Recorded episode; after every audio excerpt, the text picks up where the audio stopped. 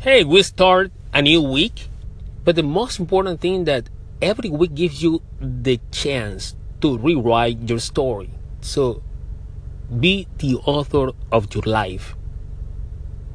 Okay, so create your own story. The end will depend on your choices in your life.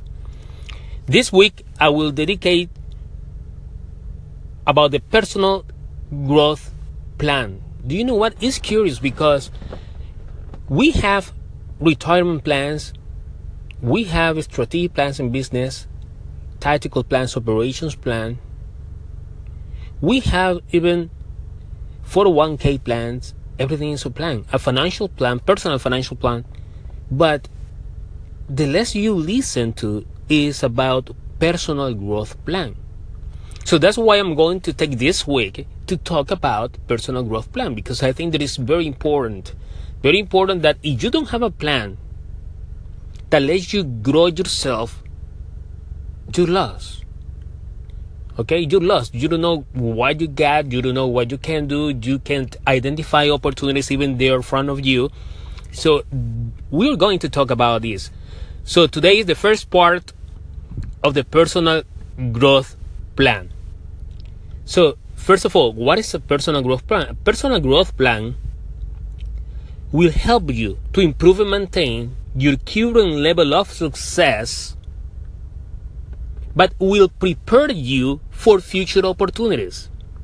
It's like a financial plan. You make a plan today to be better today, but you will grow your financial freedom in the future. You will have more money. You're planning today for the better opportunities in the future to invest, to buy, to do whatever you want with your money.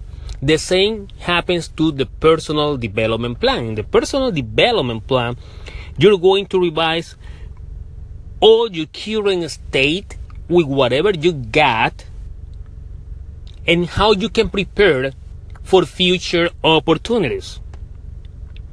It's more, you can include both personal and career goals. Of course, if you're if you're going to develop a personal growth plan, you have to include your career goals and your personal goals. This is going to be important because those are the key areas of your life. It doesn't matter where you work, what is the company you work for, or what is your plan for for tomorrow. The most important thing you have two areas in your life: your career and your personal goals. That's very important. So you have to check your plan every six months every quarter depends to you depends on your goals depends on the time frame to reach your goals. But it's more important is that you have to review the plan. If you do a plan today after three months review your personal growth plan to see you have reached some of the goals that you have planned. So what is the content of that personal growth plan. Okay, we're going to talk about four components. The first one is you have to assess your current state. You have to assess where you are now. You have to identify and review where are you now? What are you doing? The second component of this plan is identify the areas of opportunities. You have to identify what opportunities you have or what areas you can explore or you can explore for yourself for growth yourself.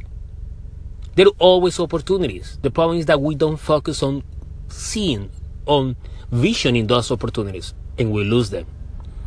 The third component is what skill and experience are needed to reach those opportunities. Okay, you can identify the opportunities, but if you don't have the skills and experience needed to explore those opportunities, you will lose. So we are going to identify the skills and experience you need to reach and to explode those opportunities. And the fourth component is you have to develop your action plan.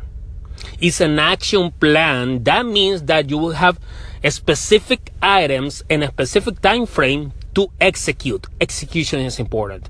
It's not about the plan and all the assessment, all the review, all the opportunities you can see It's now about that you have to act on your personal growth plan so you can be successful. Okay, for today, this is it. Please review what is personal growth plan and stay with me. Build and battle.